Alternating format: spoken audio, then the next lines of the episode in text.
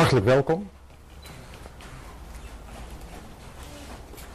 Ik vind het altijd weer eigenlijk een beetje bijzonder als ik in België ben om dan te zeggen hartelijk welkom. Want ik voel me eigenlijk heel welkom bij jullie. Dus ik voel me eigenlijk uh, meer gast uh, bij jullie.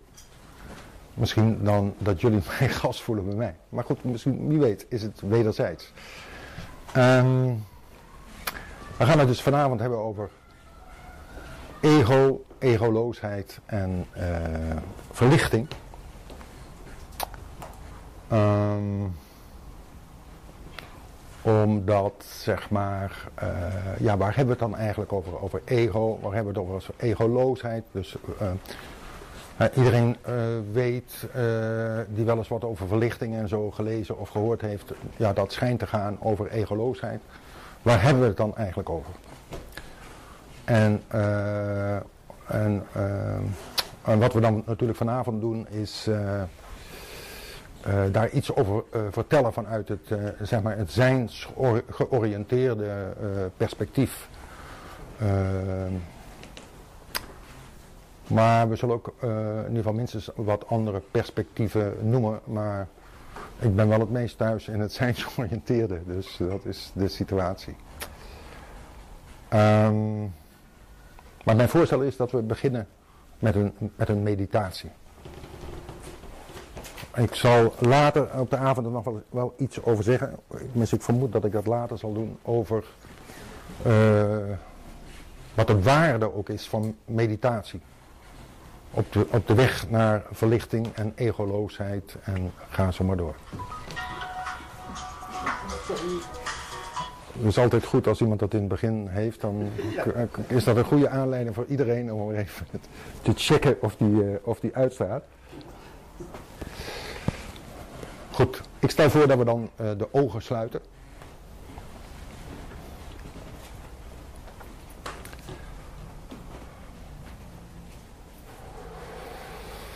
En als we de ogen sluiten, dan gaan we automatisch uh, naar binnen. En maken we misschien wel een van de meest wezenlijke gebaren op de weg van zelfbevrijding. Waar ook alle spirituele tradities het eigenlijk over eens zijn. In de zin van dat alle spirituele tradities, uh, laten we zeggen, het, het knelpunt, de uitdaging zien, is dat we zo de tendens hebben om het buiten ons te zoeken. En volgens alle tradities ligt de oplossing eerder in ons. dus het is uh, op een bepaalde manier in hoge mate een weg naar binnen. Ik zal later op de avond, als het gaat ook over zijnsoriëntatie, gaat het ook over een weg naar buiten en eigenlijk die combinatie uh, van die twee.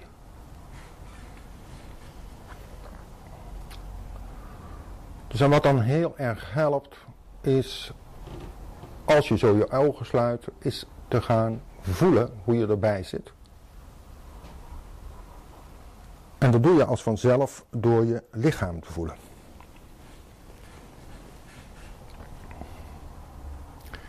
En mijn voorstel is om te beginnen met te kijken hoe het met je voeten gesteld is. Dus zijn je voeten uh, rustig op de grond te zetten. En te voelen hoe ze dat contact met de grond ervaren.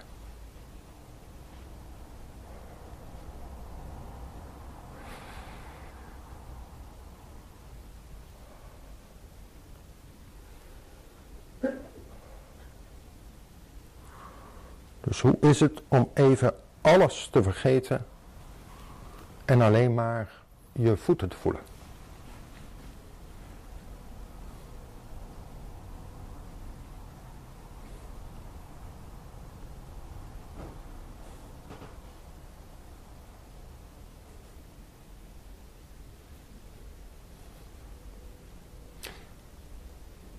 Een van de belangrijke uitdagingen op het pad is ook leren ontspannen.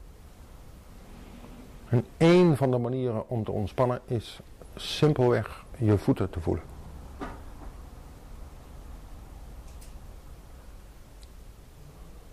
En van daaruit je enkels en je onderbenen.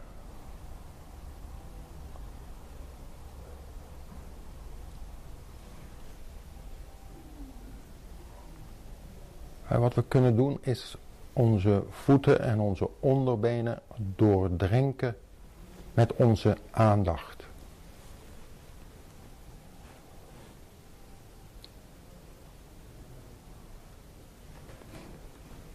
En dus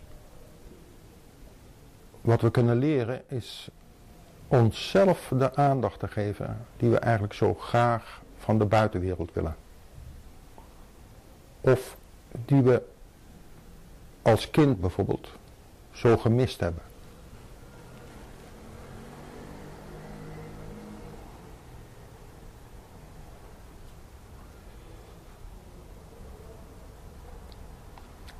En zo kun je je bovenbenen voelen en je billen op de stoel. En voelen hoe je erbij zit.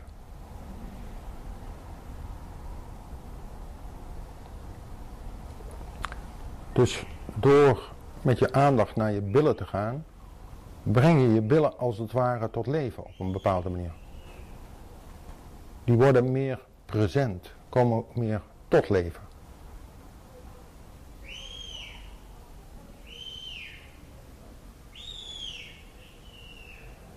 En zo kun je je onderrug voelen. Dus kijk of het lukt om met je aandacht bij je onderrug te blijven. Ondanks de geluiden van buiten. Die je, die je wel hoort misschien, maar je focus van je aandacht blijft bij je onderrug. Blijf je geven aan jezelf.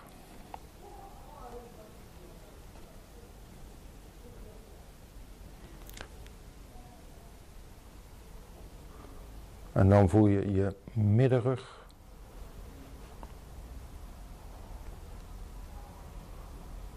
En je bovenrug.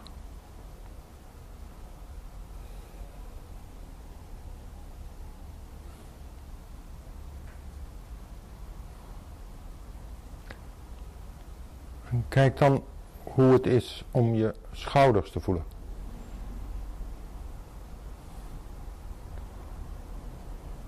En als je vandaag heel erg je best hebt gedaan, dan merk je dat aan de eventuele spanning in je schouders. En wat dan helpt is een paar keer diep te zuchten. Dus kijk eens wat er gebeurt als je diep inademt en dan diep uitademt een paar keer. Laten we dat met z'n allen doen.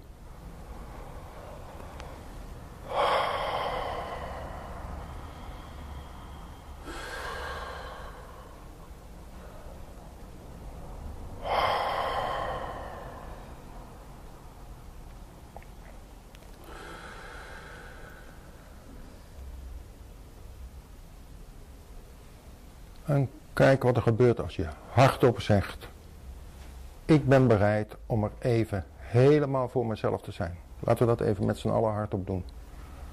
Ik ben bereid om er even helemaal voor mezelf te zijn. En dan nog een keer zo'n diepe zucht en voel wat er gebeurt.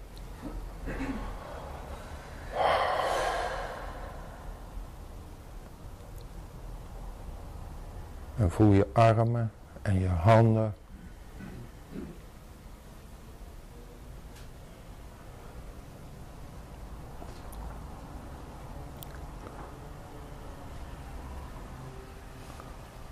En voel je hoofd, je achterhoofd en je nek.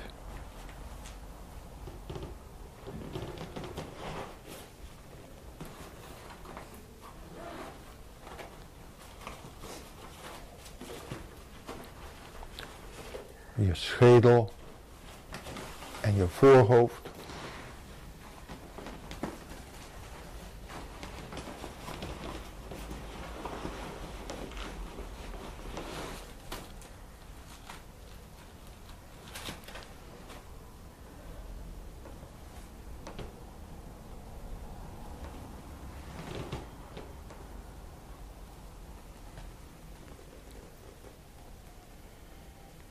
Voel je gezicht. Kijk hoe het is als je heel, met heel vriendelijke aandacht naar je gezicht gaat.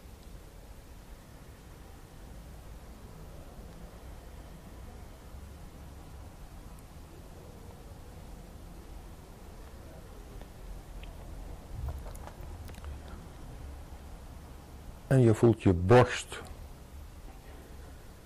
En in je borst kun je voelen hoe het gesteld is met je hart.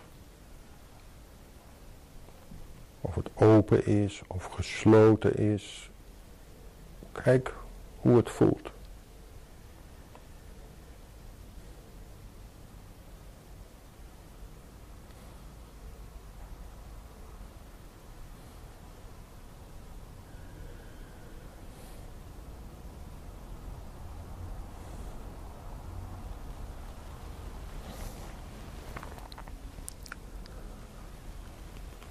En voel je buik.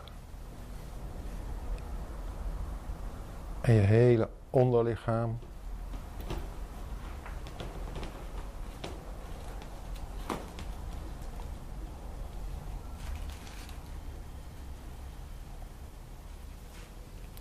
En voel dan je lichaam in zijn totaliteit.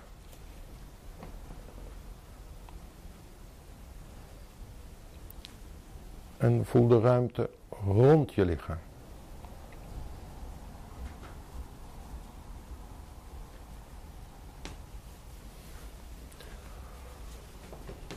En kijk wat er gebeurt als je je gunt, jezelf gunt om helemaal te ontspannen. Je helemaal over te geven aan het hier en nu. En verder even alles te vergeten.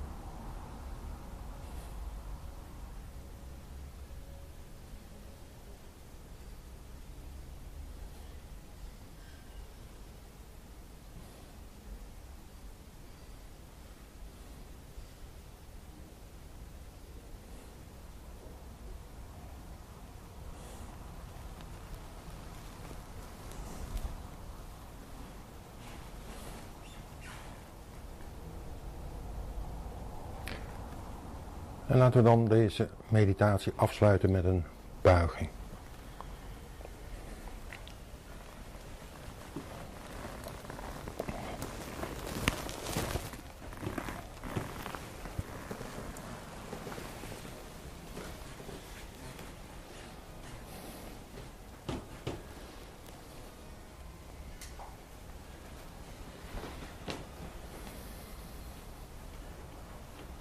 Was dat prettig voor jullie? Om te doen?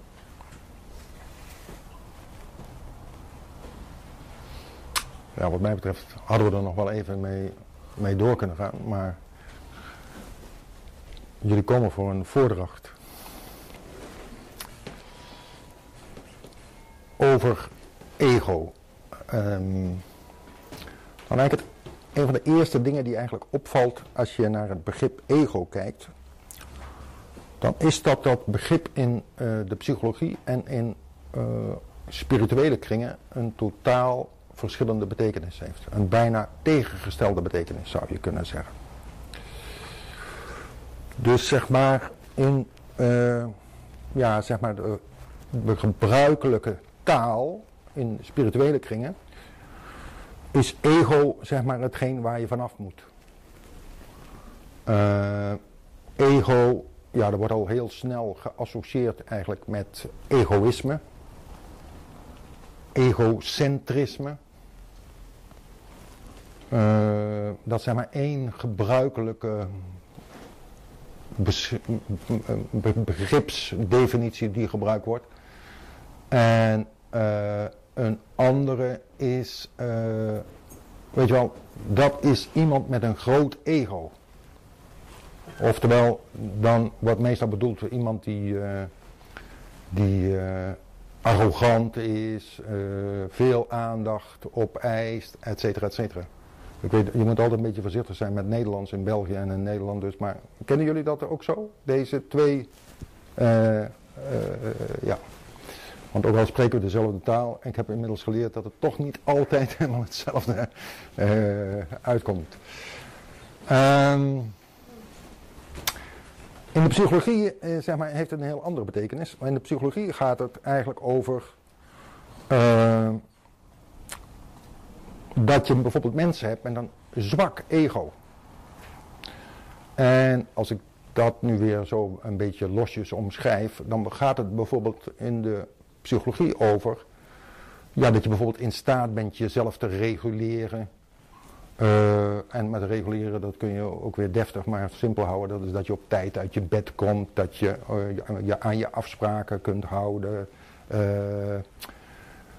dat je betrouwbaar bent als je op je werk bent, et cetera, et cetera. Laten we zeggen, iemand met dat vermogen heeft in de psychologie een gezond ego. Daar komt het eigenlijk op neer. En als iemand het dus niet heeft, dan heeft hij een verzwakt ego. Dat is, laten we zeggen, de, min of meer de gebruikelijke omschrijving in de, in de psychologie. Dus uh, ik zeg wel eens om het om als het ware het spirituele ego te laten oplossen, heb je een gezond psychologisch ego nodig. Kunnen jullie dan volgen wat ik zeg? dus, laten we zeggen, daar is een bepaalde kracht voor nodig, een bepaalde discipline voor nodig, een bepaalde inzet voor nodig. Dus dat is dat wat de psychologie eh, bijvoorbeeld ook wel ik-kracht noemt. Uh, uh, toewijding, et cetera, et cetera. Dat is wat ze in de psychologie ego noemen. Dezelfde tegenstelling heb je bijvoorbeeld ook met het begrip persoonlijkheid. Dus in de spirituele literatuur is, is, wordt steeds gebruikelijker eigenlijk dat het woord persoonlijkheid, zeg maar, noem het maar, een negatieve betekenis heeft. Daar, daar, moet, je, daar moet je vanaf, van je persoonlijkheid. Dus uh, persoonlijkheid is dan uh, de manier waarop je je aangepast hebt, de manier waarop je, je zou bijna kunnen zeggen, niet jezelf bent. Dat is, dat is uh, zeg maar je persoonlijkheid. Terwijl in de, in de psychologie is het zo is dat het er juist om gaat om tot een gezonde persoonlijkheid te komen. Want mensen met grote problemen, die, die hebben een persoonlijkheidsstoornis. Dus uh, dingen als uh, borderline of narcisme of ga zo maar door, dat wordt in de psychologie een persoonlijkheidsstoornis genoemd. Dus in die zin, vooral mensen die op beide gebieden lezen, uh, ja, kan dat tot verwarring leiden.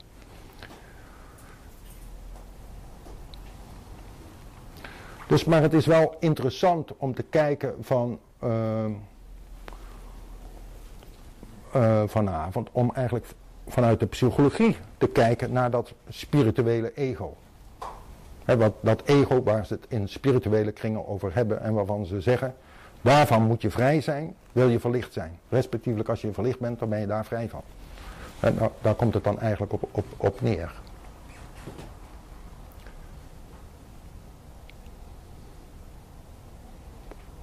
Waar ben je dan vrij van? Zou de eerste vraag kunnen zijn als je verlicht bent. Maar nog, maar nog maar even los van wat dat allemaal precies betekent en uh, gaan ze maar door. Maar ook als je weer aansluit bij wat daarover in het algemeen gezegd wordt. Uh, dan kun je dat het beste omschrijven. Wij in de zijnsoriëntatie omschrijven dat als vrij zijn van primitieve zelfzorg.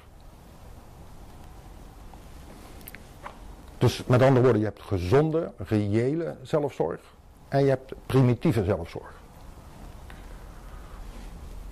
En uh, waar gaat het dan eigenlijk over? Dat heeft uh, zeg maar veel te maken, uh, in ieder geval ook met onze geschiedenis, van onze ervaringen. Hè, dus als wij bijvoorbeeld als kind liefde hebben gemist, dan gaat het er automatisch toe leiden dat wij de rest van ons leven liefde gaan zoeken. Dat is wat er eigenlijk gebeurt. En die zoekactiviteit, dat zou je een ego-activiteit kunnen noemen. Uh, met andere woorden,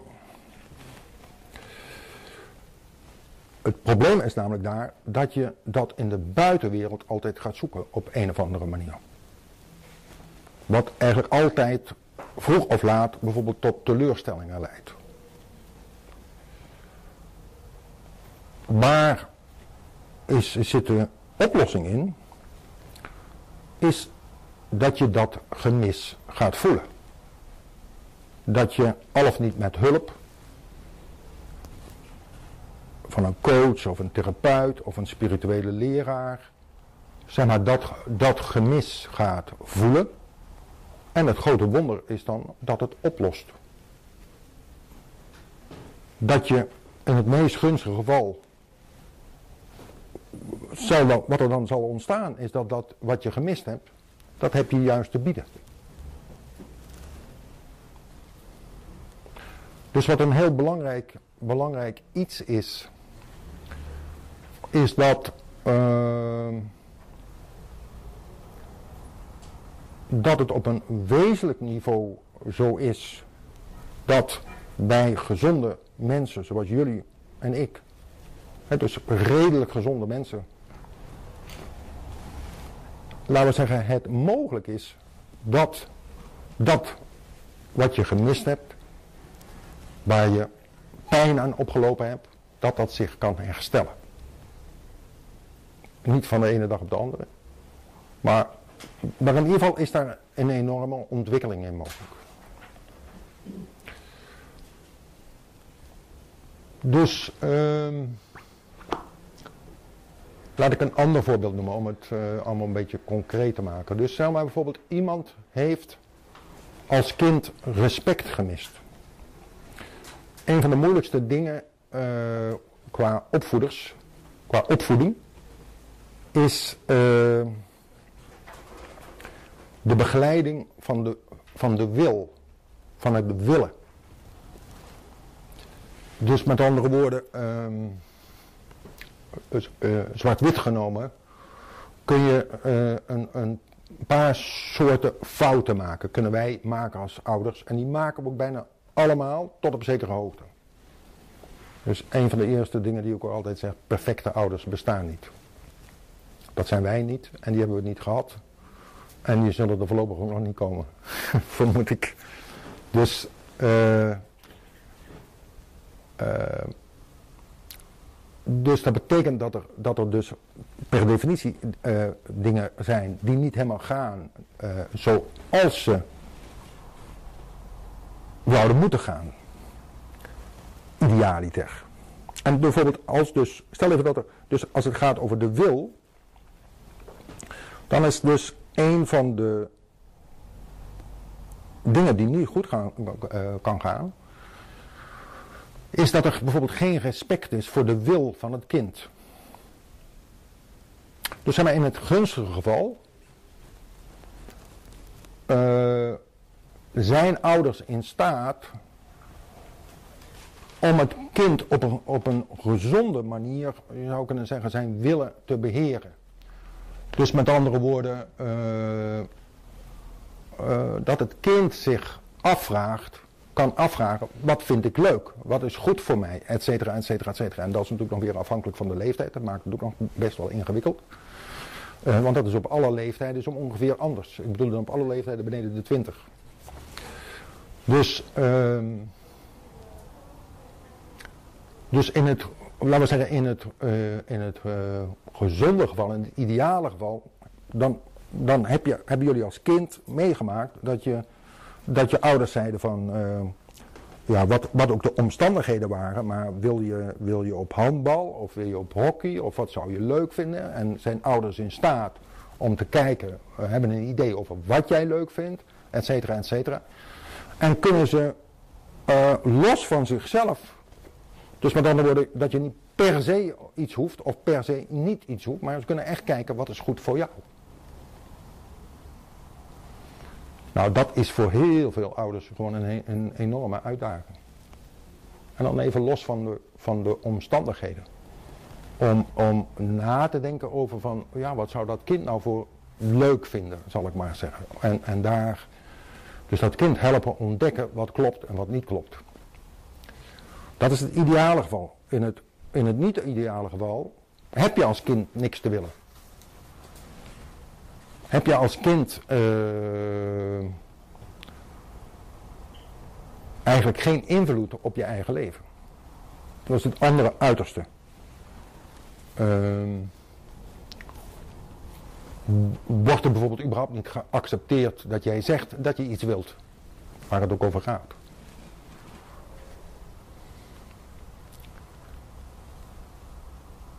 Het kan ook zijn dat je gewoon verwaarloosd wordt. Er is ook uh, natuurlijk weinig, weinig respect. Dus waar we het eigenlijk over hebben.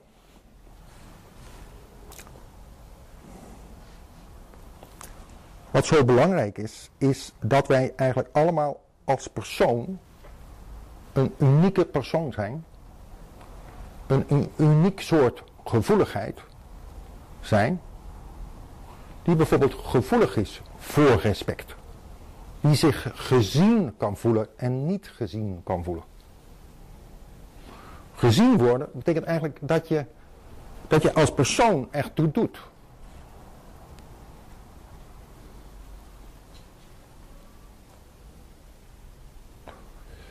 Waarbij je zou kunnen zeggen, iedere mens als het ware een aangeboren drang heeft om zichzelf tot bloei te brengen.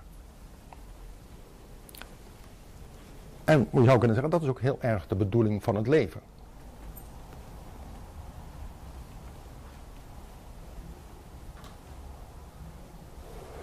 Dus, uh, als we kijken, dus nogmaals, bijvoorbeeld die persoon die bijvoorbeeld als kind niet gerespecteerd is. Uh, die bijvoorbeeld een, ik noem het maar een tyrannieke vader heeft gehad. Zwart-wit genomen zijn er twee mogelijkheden. Uiteindelijk drie. Maar dat is dat hij zelf even tyranniek, tyranniek wordt als zijn vader. Of hij wordt heel verlegen en kwetsbaar en teruggetrokken, et cetera, et cetera, et cetera. En uiteindelijk de derde mogelijkheid is, is dat hij dat probleem op een of andere manier verwerkt en oplost. En op een natuurlijke manier zichzelf wordt. Dus op een bepaalde manier is, zou je kunnen zeggen, is dat de uitdaging van het leven voor ieder mens. De uitdaging van het leven zit erin dat de pijn die je ooit hebt opgelopen, op welke manier dan ook, doordat je je gekwetst hebt gevoeld, doordat je uh, dingen gemist uh, hebt, doordat je angstig bent geworden, onzeker of wat, wat het ook allemaal mogen betekenen. Om dat eigenlijk op te lossen en daarmee vrij mens te worden. Dus wat belangrijk is, bijvoorbeeld in onze visie, is het zo dat dat een heel belangrijk ding is. En dat heeft ook heel veel met de wereld te maken. De wereld is zeg maar uh, in spirituele kringen van oudsher behoorlijk verdacht. Dat heette ook, weet je wel, werelds. De wereldse geneugden en weet ik wat allemaal meer. Dat was allemaal foute boel. Uh, was een van de redenen waarom monniken zich vaak uh, terugtrokken. En met alles het mooie voordeel dat nu nog steeds die monniken nog altijd vaak op mooie plekken zitten, voor zover ze er nog zijn. Uh, Wat mij betreft is het zo dat in een moderne spirituele benadering er is niks mis mee als sommige mensen zich nog steeds terug gaan, moeten ze vooral doen. Maar, maar het is ook heel mooi dat er een spiritueel aanbod is wat helpt om jouw unieke vorm te manifesteren. Dat te supporten. Laten we zeggen, werkelijk trouw te zijn aan wat er in jou leeft, wat er in jou geboren wil worden, wat er zich in jou uh, tevoorschijn uh, wil komen. En laten we zeggen, en wat vrij is van die primitieve zelfzorg. En de primitieve zelfzorg betekent dus als bijvoorbeeld, uh, laten we zeggen, iemand weer op dat punt van respect gewond is geraakt. Uh, laat ik een heel simpel voorbeeld doen, wat ik toevallig vandaag nog hoorde van iemand. Uh, laten we zeggen, die, uh, die werkte als freelancer. En de motivatie om te werken als freelancer was, ik kan niet onder een baas werken. Want als ik onder een baas werk, dan krijg ik meteen conflicten en ruzie. Als iemand dat heeft, dan is er dus een probleem eigenlijk op dat punt van, van respect en zelfrespect. Dan is er een verwonding opgelopen op het gebied van begeleiding. Kun je je dat voorstellen? Dus als iemand als kind niet gerespecteerd is door iemand in een gezagspositie, dus door een ouder, door een leraar of gaan ze maar door, dan kan het gebeuren, totdat hij dat verwerkt heeft, is een persoon vanuit een gezagspositie per definitie verdacht. Hij projecteert, noemen we dat in de psychologie, zijn de persoon door wie die uh, zo pijnlijk behandeld is, projecteert hij automatisch op iedere gezagspersoon die hij meemaakt. Kun je dat voorstellen?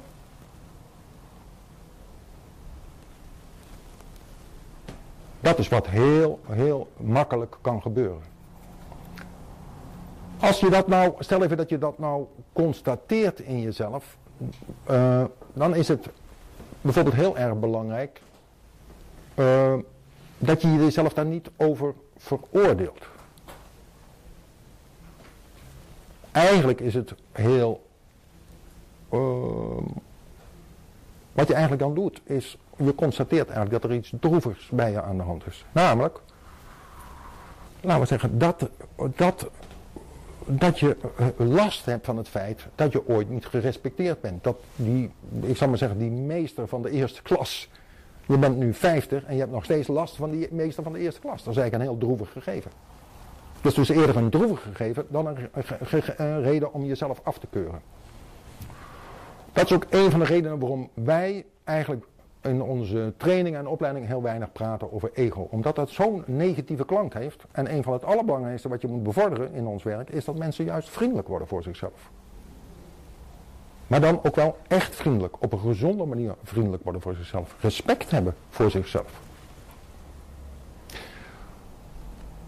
Wat je, zo, wat je kunt zeggen vanuit dat respect voor jezelf, wat er eigenlijk nodig is, is dat wij onszelf hoog hebben. Onszelf eren. En in ieder geval vooral bereid zijn om het echt met onszelf te doen.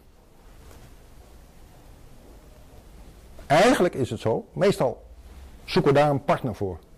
Die dan zegt, ik wil het met jou doen de rest van mijn leven, et cetera, et cetera. En in het meest ideale geval zegt hij of zij dat ook iedere dag tegen je. Toch? Dat zou fantastisch zijn. Hè? Dat geeft eigenlijk al aan dat iets in ons zo daarnaar verlangt, eigenlijk. Naar dat respect of de aandacht of de liefde, et cetera, et cetera, et cetera.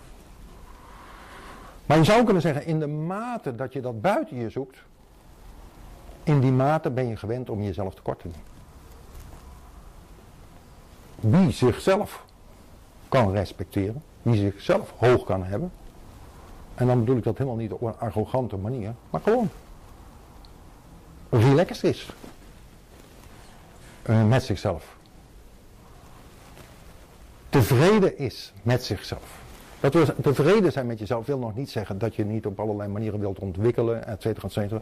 Maar tevreden zijn wil niet eh, zeggen, eh, tevreden zijn met jezelf wil gewoon zeggen dat er geen reden is om jezelf op de kop te geven. Jezelf straffen werkt per definitie negatief. Een ander straffen, daar, kun je, daar zouden we heel lang over kunnen praten, wat dat uh, doet. Een, een, kind straffen of een kind begrenzen is een, buitengewoon groot verschil. Een kind begrenzen zonder dat het gevoel heeft dat het bestraft is, is een hele grote kunst. Maar het zou wel hartstikke mooi zijn als we dat zouden kunnen.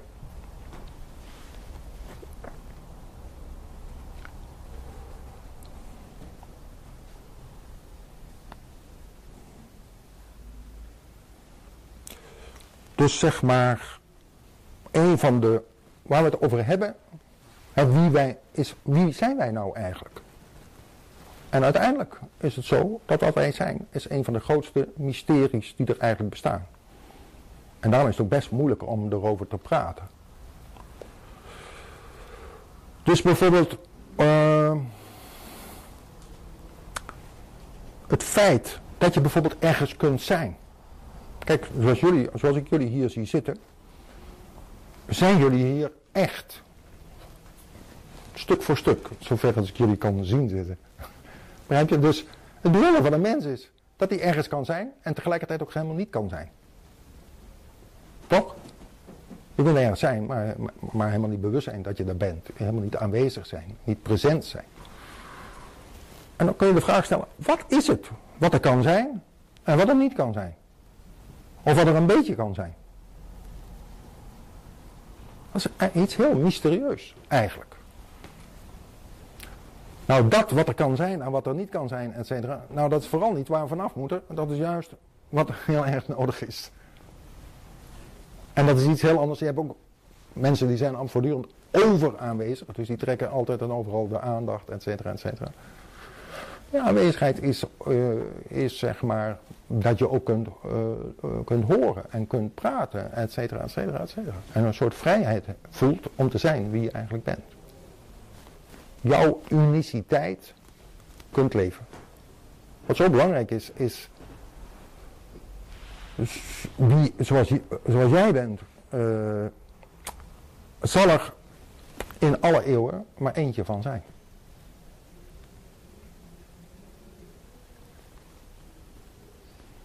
En het kan niet anders zijn dat, dan dat dat juist een bedoeling heeft. Dat dat van belang is.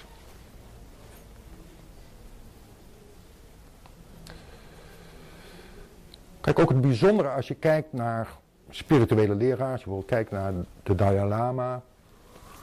Uh, Thich Nhat als iemand die kent. Of uh, Moeder Teresa. Wat hebben we allemaal niet voor uh, bijzondere leraren. Dan is het toch heel duidelijk dat het zeer verschillende mensen zijn. Heel verschillend. Je kunt ervan zeggen, nou, ze leveren allemaal een positieve bijdrage, die mensen. Zoals eigenlijk alle in de geschiedenis grote spirituele figuren. Uh, tot en met Jezus van Nazareth. Laten we zeggen, worden erkend vanwege de grote bijdrage die ze geleverd hebben. Zeker door de volgelingen van die leraar. dus dat, dat is uh, Dat, dat is het, uh, het meest bijzondere.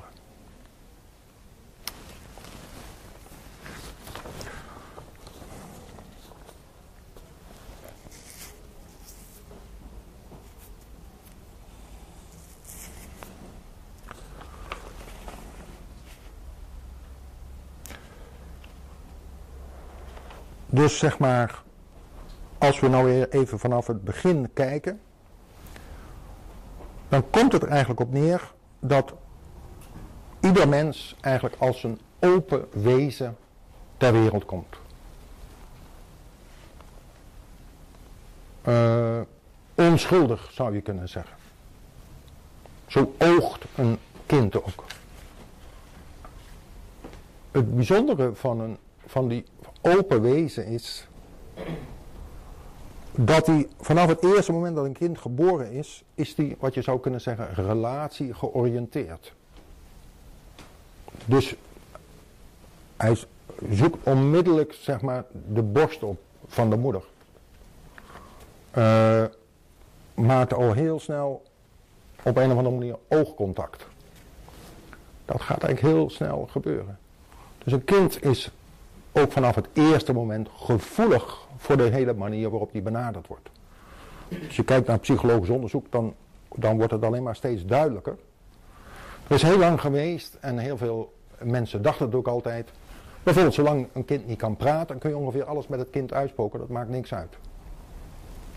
Maar de realiteit van vandaag is dat we eigenlijk heel goed weten dat het heel veel uitmaakt.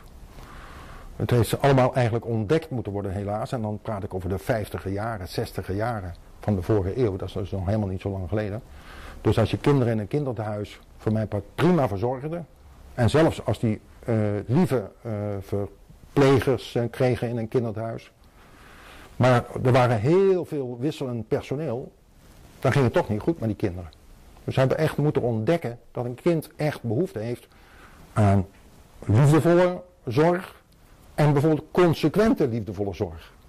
dus dat er, dat, dus, dat een kind niet alleen maar behoefte heeft aan voeding, maar werkelijk warmte, contact, et cetera, et cetera. En in de ernst wat het helemaal niet ontbreekt, gaat het kind ook gewoon dood. Zo simpel. Dus uh, het is eigenlijk heel apart eigenlijk wat iedere moeder natuurlijk al eeuwenlang aanvoelde dat dat belangrijk was, maar dat ook van nature deed.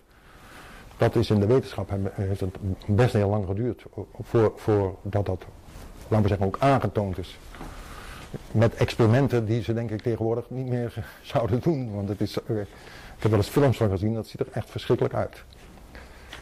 Uh, dus maar doordat dus een kind zo afgestemd is op de ouders en eigenlijk afhankelijk is van de kwaliteit van ouderschap. Dus met andere woorden, uh, betekent het dat voor een heel groot deel dat wij als ouders de problematiek, onze problematiek doorgeven aan onze kinderen. Dat is eigenlijk wat er gebeurt. Daarom is ook, laten we zeggen, in mijn werk zie je heel veel wat wij dan noemen familiethema's. Dus thema's die er zeg maar bij iemand leeft met wie je nu te maken hebt. Nou die zie je als hij vertelt over zijn ouders, dan zie je dezelfde thema's weer terugkomen. Als ik dat ene voorbeeld uh, weer mag noemen. Laten we zeggen, die persoon die, uh, laten we zeggen, een hele harde, strenge vader had. Ik zei al, de kans is heel groot dat hij zelf ook weer zo'n harde, strenge vader wordt. En als hij juist een omgekeerde wordt, krijgt hij misschien wel een zoon die de hele zaak domineert en zo'n harde figuur wordt. dat is hoe het, hoe het leven werkt, zal ik maar zeggen. En je zou kunnen zeggen van. Uh, er is een natuurlijke tendens eigenlijk in iedere mens. Wat ik, wat ik altijd zo boeiend vind is als, als uh, mensen zwanger zijn. Dan gaan ze automatisch nadenken over de manier waarop ze opgevoed zijn.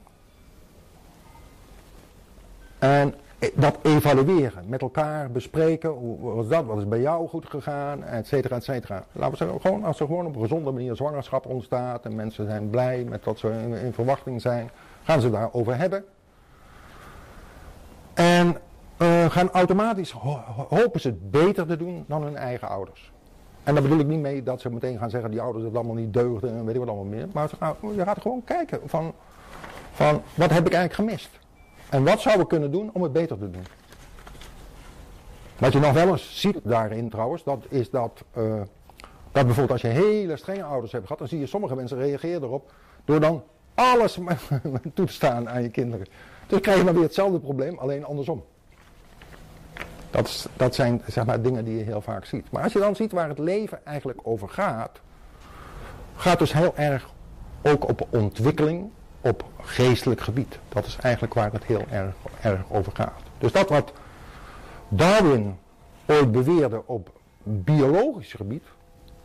Begrijp je dat de, dat, de, uh, dat de wereld ooit begonnen is met ameuben en uh, toen een beetje iets ingewikkelde dieren en uiteindelijk apen en dan uiteindelijk mensen.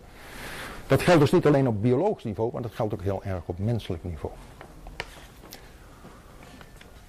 Dus, en, dat, en dat heeft weer te maken met het feit dat, uh, dat wij als mensen van nature van betekenis willen zijn. En hoe vrijer wij zijn, hoe egolozer wij zijn, hoe meer we eigenlijk van betekenis kunnen zijn. Hoe meer willen we van betekenis zijn, hoe meer we eigenlijk onze oude pijn, et cetera, et cetera, die we hebben opgelopen, verwerkt hebben, hoe gemakkelijker en vanzelfsprekender en, en natuurlijker we eigenlijk kunnen functioneren. Dat is, eh, zeg maar, wat mij betreft de realiteit. En dus dat zit eigenlijk opgesloten in het leven. Kijk, biologen, om maar nog een voorbeeld te noemen in dit verband. Biologen gaan er al, als die dus schrijven over hoe bijvoorbeeld partnerkeuzes tot stand komen, et cetera, et cetera, et cetera. Dan hebben ze altijd biologische verklaringen. Dus, en biologisch in de zin van waar krijg je goede kinderen van, of sterke kinderen van, en gaan ze maar door. Maar dat er een partnerkeuze wel eens tot stand zou kunnen komen op basis van het gegeven van bijvoorbeeld een, toch een ergens een gemeenschappelijkheid in idealen. Uh, gemeenschappelijkheid in bijvoorbeeld thema's die er spelen. Gemeenschappelijkheid in ontwikkelingsmogelijkheden die je samen zou kunnen hebben. Dat is wat biologen in het algemeen wel overslaan. Maar dat is wat, waar het wat mij betreft in het leven heel erg over gaat. Dat is waar we onbewust ook heel erg door bepaald worden. Het is ook heel vaak zo, om maar weer datzelfde voorbeeld, want er zijn duizenden voorbeelden, maar noem maar weer dat, eh, stel even dat, dat ik een hardvochtige vader heb gehad. En stel dat ik daardoor ook nogal dominant ben geworden, dan de kans dat ik dan een partner heb die ook een dominante vader had gehad, uh, maar die juist heel bescheiden en heel stilletjes is geworden. Altijd braaf deed wat papa zei en met bibberend door het huis liep. Die combinatie is dan heel erg groot. dus de, in mijn geval dominante man, maar je hebt ook dominante vrouwen. Trouwen bij voorkeur met, de niet, met een niet-dominante persoon. Dan praat ik over één thema, wat er bijvoorbeeld in families kan spelen en binnen een persoon kan spelen. Dus die zoeken elkaar op een bepaalde manier op. Want het is ook logisch, want twee hele dominante personen, ja, dat gaat niet lang goed samen. Dus wat er dan ook gebeurt in het leven, is dat als bijvoorbeeld, uh, meestal is het dan wel zo, dat, laten we zeggen, die meer timide partner, OW als die therapie gaat doen of iets dergelijks, of uh, training, zijnsoriëntatie, of gaan ze maar door, dan komt er meer beweging in. En dan is het bijvoorbeeld crisis in de relatie. Dan wordt het moeilijk.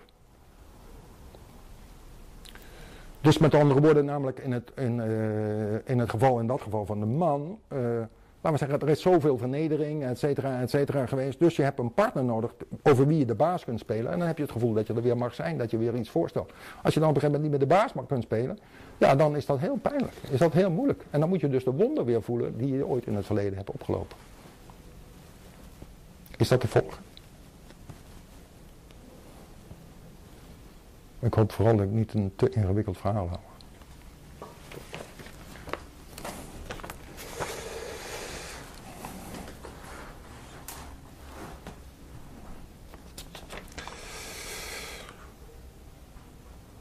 Dus wat, wat dus wat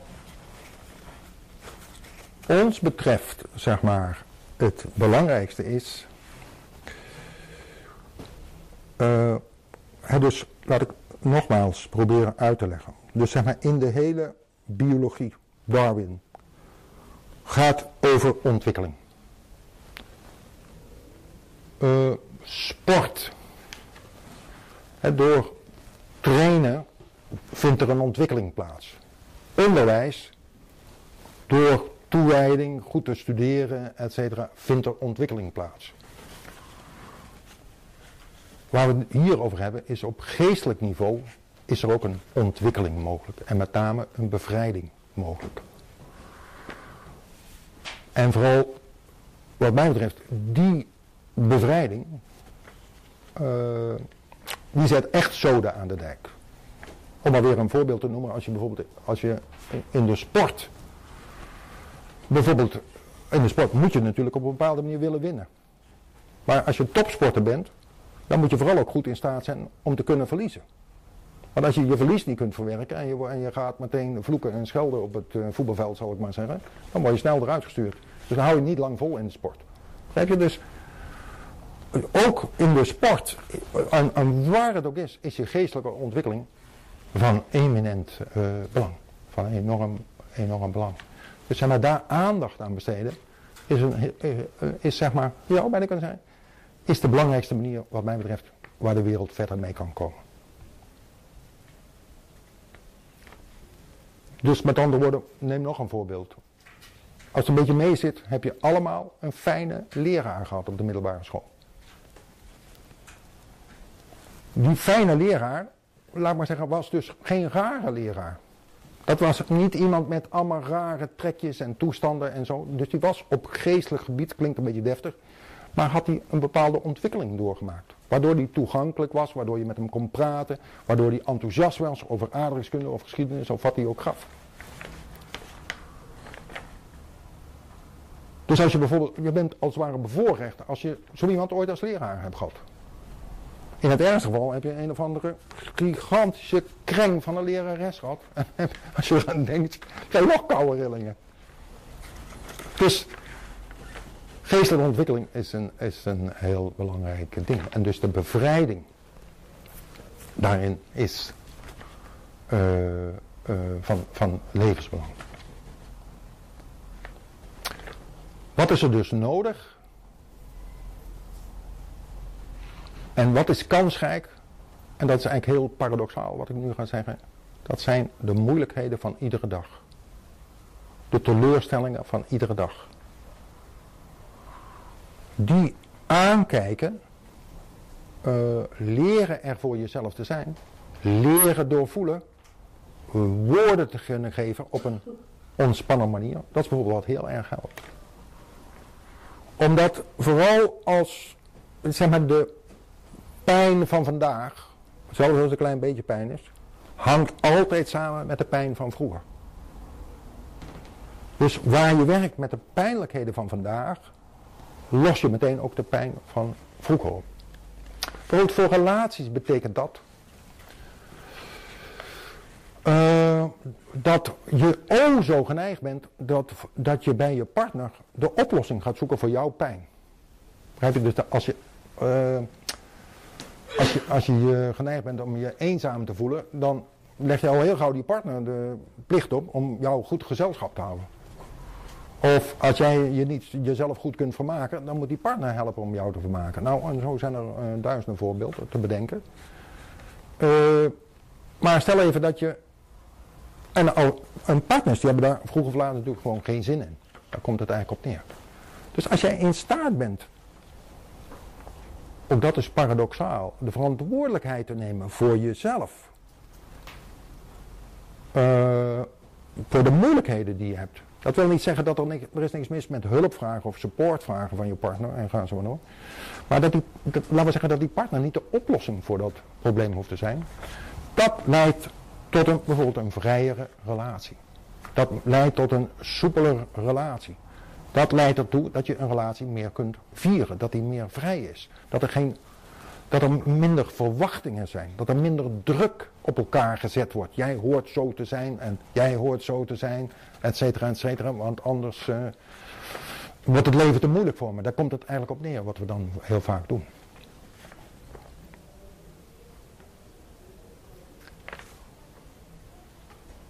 Wat wij in de opleiding zijnsoriëntatie en op alle trainingen die wij geven, is dat wij, ons grootste doel is dat wij mensen leren er voor zichzelf te zijn. Dus met de pijnlijkheden, de moeilijkheden, natuurlijk ook met de vreugde, maar vooral met de moeilijkheden, want dat is nou eenmaal het moeilijkste. Om, om daar echt voor jezelf erbij te kunnen zijn. Dus met andere woorden, als je verdrietig bent, dat je in staat bent om jezelf te troosten als je boos bent, laten we zeggen, die boosheid ruimte te geven. Dus als ik bijvoorbeeld in mijn eigen persoonlijke beoefening mijn boosheid kan laten bestaan, ergens over, en ik kan die boosheid oplossen, dan kan ik vervolgens een gesprek hebben met iemand die de oorzaak is van die boosheid. Maar dan hoef ik dat gesprek niet boos te voeren. Dan kan ik dat relaxed voeren. kan ik op een, vrij ontspannen manier zeggen, nou dat en dat vond ik wel moeilijk wat er gebeurde, et cetera, et cetera, et cetera. Dus het is eigenlijk een van de moeilijkste dingen voor ons is, is wat dat betreft dealen met onze emoties. Dat is wat we, wat we kunnen, kunnen leren, aldoende. Door, vooral door dagelijkse beoefening. En laten we zeggen, onze opleidingen zijn eigenlijk een soort didactisch aanbod van allerlei oefeningen, steeds, waarmee je eigenlijk leert jezelf te begeleiden, jezelf te reguleren, er echt voor jezelf te zijn. Je, je dat te geven wat je bijvoorbeeld als kind gemist hebt. je kunt de moeder en vader worden voor jezelf die je nooit gehad hebt. Zeg ik wel eens, uh, om het kort samen te vatten. Wat mogelijk is. Waardoor je als vanzelf jezelf tot bloei brengt. Kijk, want het is zo dat er een, laten we zeggen, de drang om je te ontwikkelen, die is eigenlijk van nature aanwezig. Die is van nature beschikbaar. Dus daarom ook, vind ik, dan ben ik blij dat wij ook een weg daarvoor kunnen, kunnen bieden. Die, die werkt, omdat, omdat er ook heel veel behoefte eigenlijk aan is.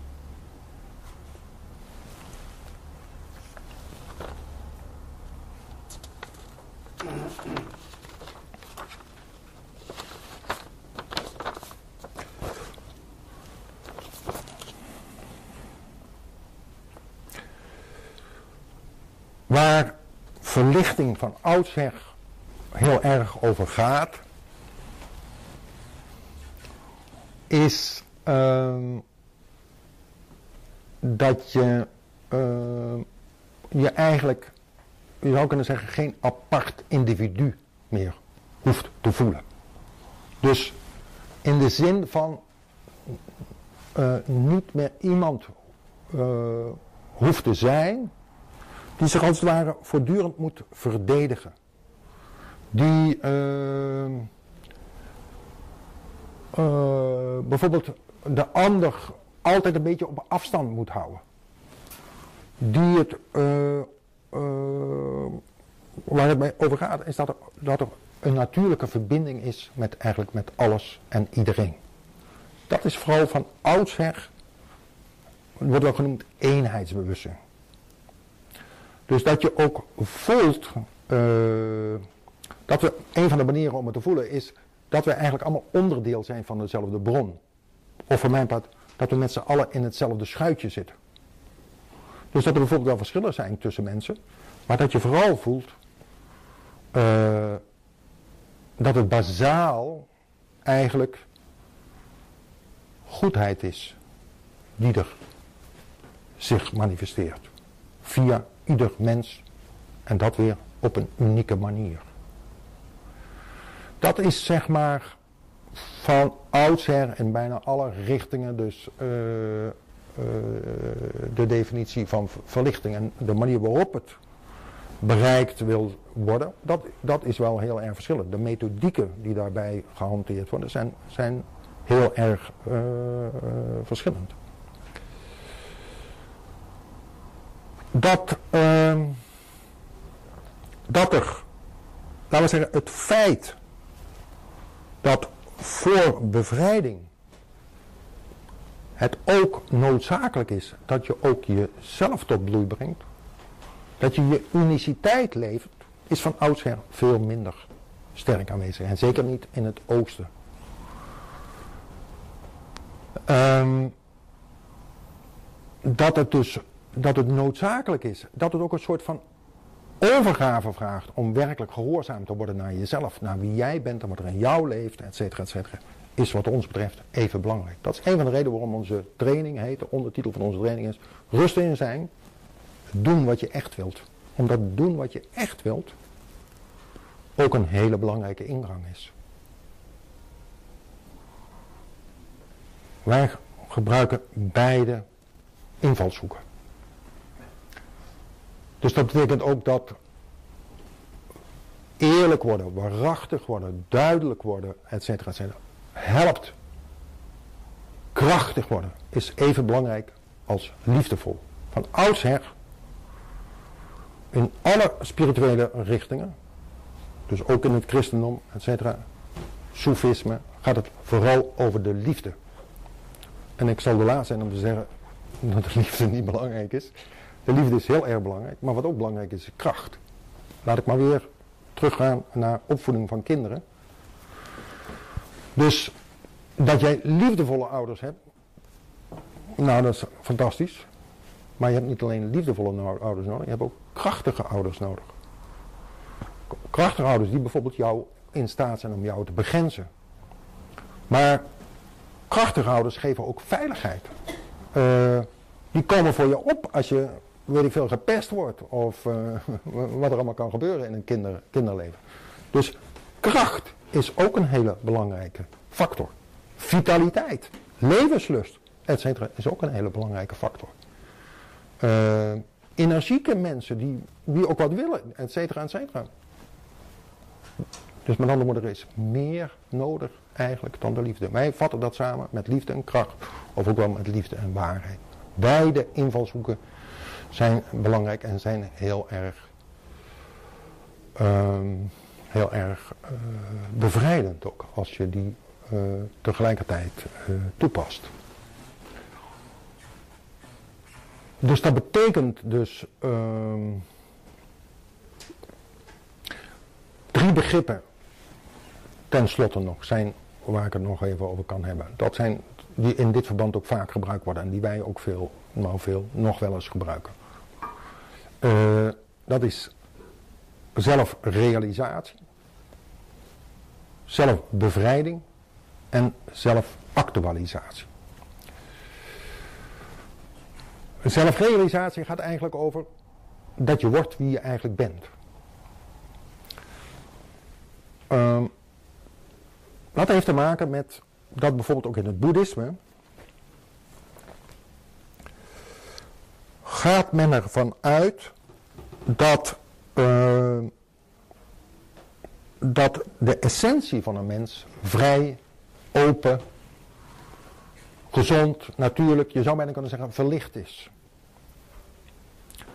Uh, maar het mooiste is eigenlijk altijd te zien dus dat als het ware de kern is vrij, maar daaromheen zitten allerlei lagen. Kwetsingen, teleurstellingen, et cetera, et cetera. Waarbij je dus afgescheiden bent van je eigen vrije, open kern.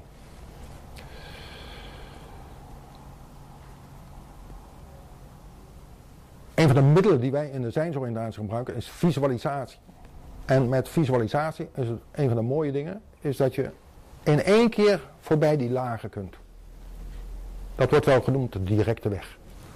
Dus met andere woorden, als het ware zicht krijgt op wie jij eigenlijk in wezen bent. Wat ook vaak herinnert aan, laten we zeggen, aan je vroege jeugd.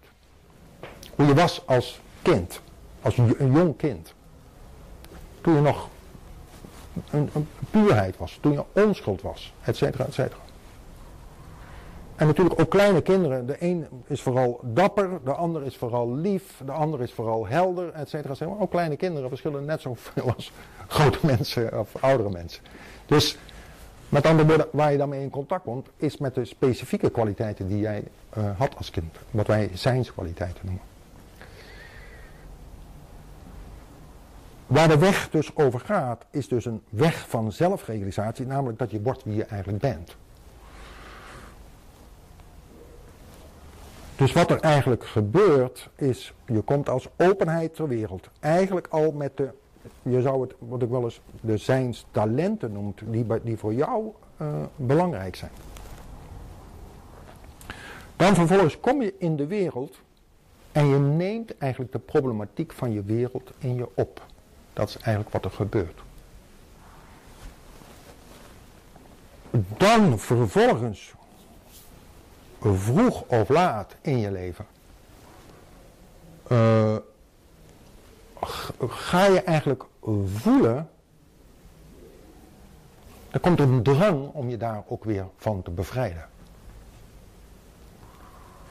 Nou is dat iets, zeg maar die problematiek is natuurlijk niet iets die je zomaar van je af kunt gooien. Dat zou handig zijn. Maar belangrijk is dat die doorwerkt moet worden. Wanneer die doorwerkt is, is er, heeft er zelfrealisatie plaatsgevonden. Daar komt het op neer.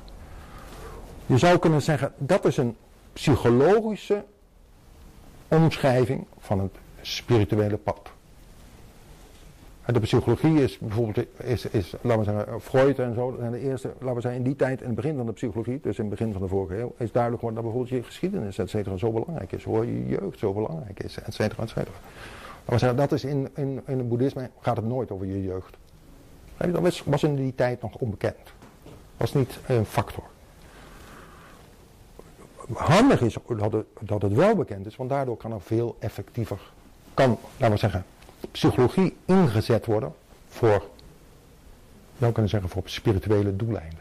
Kijk, de, het bijzondere van de psychologie is op een bepaalde manier dat het, uh, het heel veel bijgeloof weggehaald heeft. En psychologie en spiritualiteit delen. De psycholoog die wil mensen ook bevrijden van lijden. Daarom verschilt het eigenlijk niet van de spirituele leraar. Alleen de spirituele leraar, zou kunnen zeggen, heeft een hogere ambitie.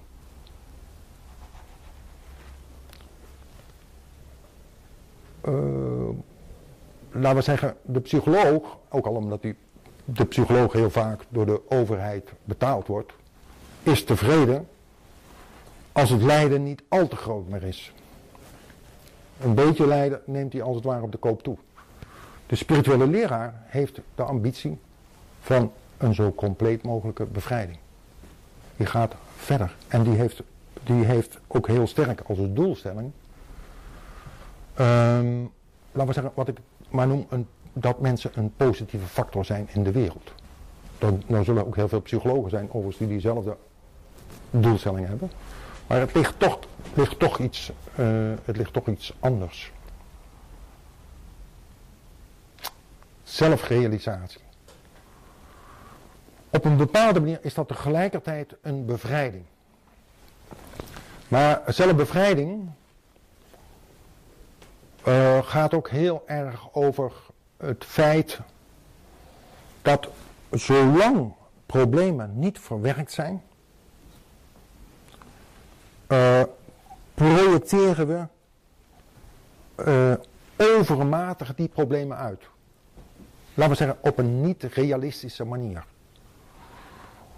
Als we ooit door iemand bedrogen zijn, wordt de hele wereld verdacht.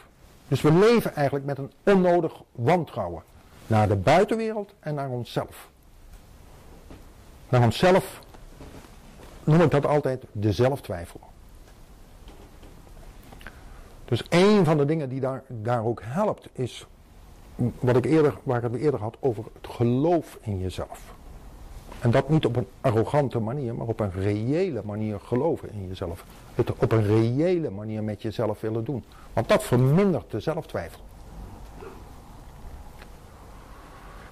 Zelftwijfel ontstaat ook vooral omdat kinderen zijn buitengewoon loyaal naar, naar hun ouders. Als er één ding is wat ik de afgelopen uh, jaren uh, ontdekt heb, is eigenlijk hoe liefdevol kinderen zijn.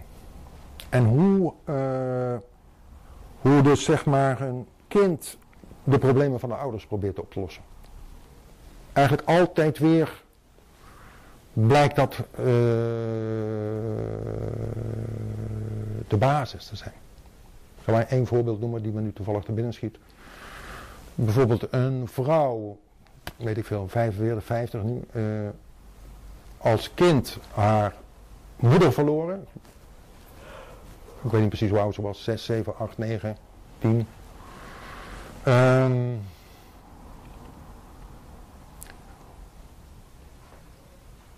en om een of andere reden heeft zij de compleet de verantwoordelijkheid voor het gezin genomen. Werd eigenlijk een soort partner. En tweede moeder, een partner voor haar vader. Heeft daar verschrikkelijk haar best over gedaan. Desalniettemin was die vader toch altijd ontevreden. Resultaat, heel veel schuldgevoelens.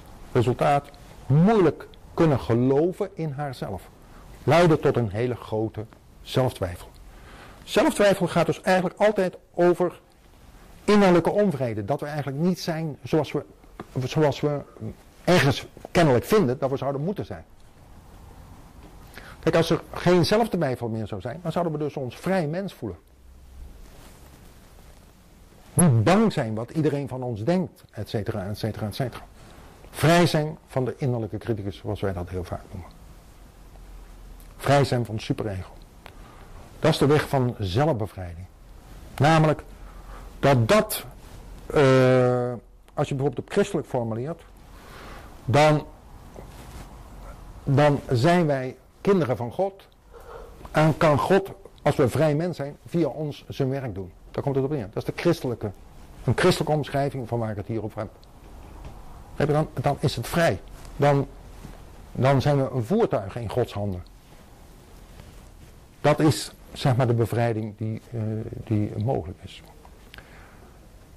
Zelfrealisatie, zelfbevrijding en de derde was zelfactualisatie.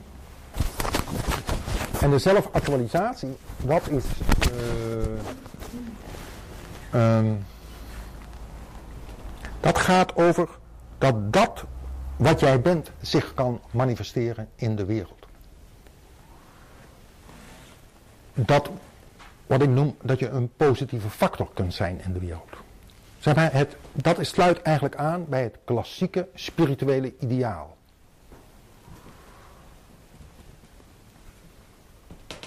Kijk, dus ook in de, in de spirituele weg wordt ook in het oosten wel onder, onderscheid gemaakt.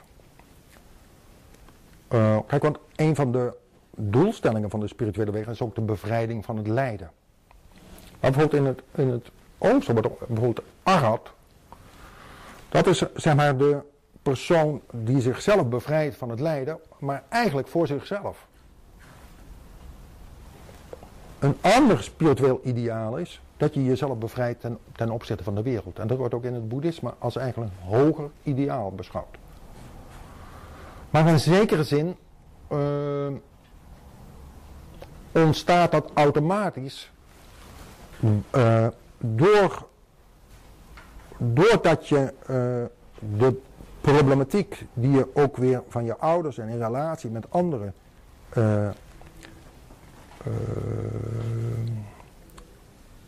overgenomen hebt. Dus laat ik wederom dat voorbeeld noemen. Dus stel even dat iemand heeft een hele dominante vader gehad. Uh, en die verwerkt dat probleem. Dan is dat iemand met talent voor respect. Dat wordt iemand die als vanzelf veel respect geeft. Uh, dat wordt iemand die op dat punt een toegevoegde waarde heeft. Dus net zoiets als iemand die verlegen is. Dat is iemand met een sociaal talent. Die is namelijk heel gevoelig voor de, hoe die bekeken wordt, hoe die gezien wordt, et cetera, et cetera, et cetera. Dus op een bepaalde manier zit in je probleem je kans, je mogelijkheid. In relationeel opzicht en dus in maatschappelijk opzicht.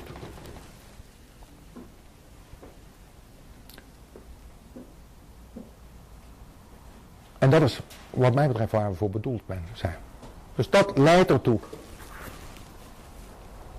Een van de manieren waarop wij het wel eens zeggen, wat we wel eens, wel eens een oefening mee doen, dat is met de vraag van hoe zou je terug willen kijken naar jezelf als je op je sterrenbed ligt.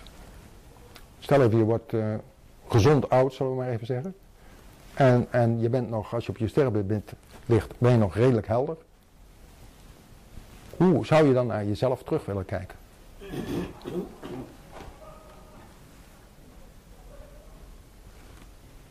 Wanneer kun je zeg maar tevreden afscheid nemen van het leven? En dat is een hele interessante vraag. Om af en toe eens bij stil te staan. Zo veel als ik het heb meegemaakt, ik weet niet hoe het jullie daarin hebben meegemaakt, maar de mensen die ik heb meegemaakt op hun sterrenbed, die gaan als vanzelf hun leven evalueren. Tenminste als ze gewoon helder zijn, et cetera, et cetera. Het automatisch evalueren, ja. ja. Ik krijg de boodschap dat ik moet stoppen, maar ik ben bijna zover. Uh, je gaat automatisch evalueren, je gaat automatisch kijken, wat is mijn bijdrage geweest?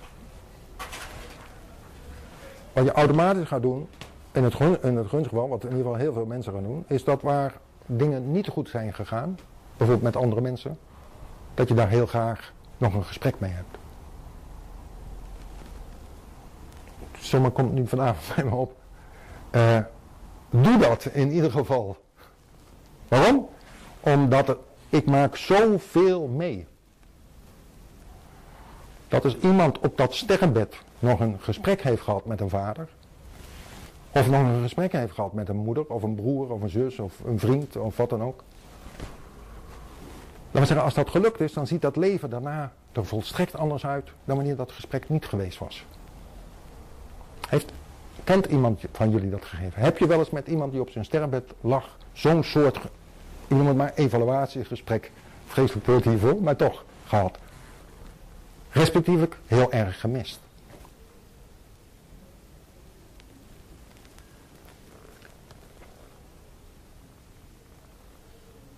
Zo'n gesprek eigenlijk met jezelf, open, vriendelijk, et cetera, et cetera, respectvol. Wat gun ik mezelf eigenlijk?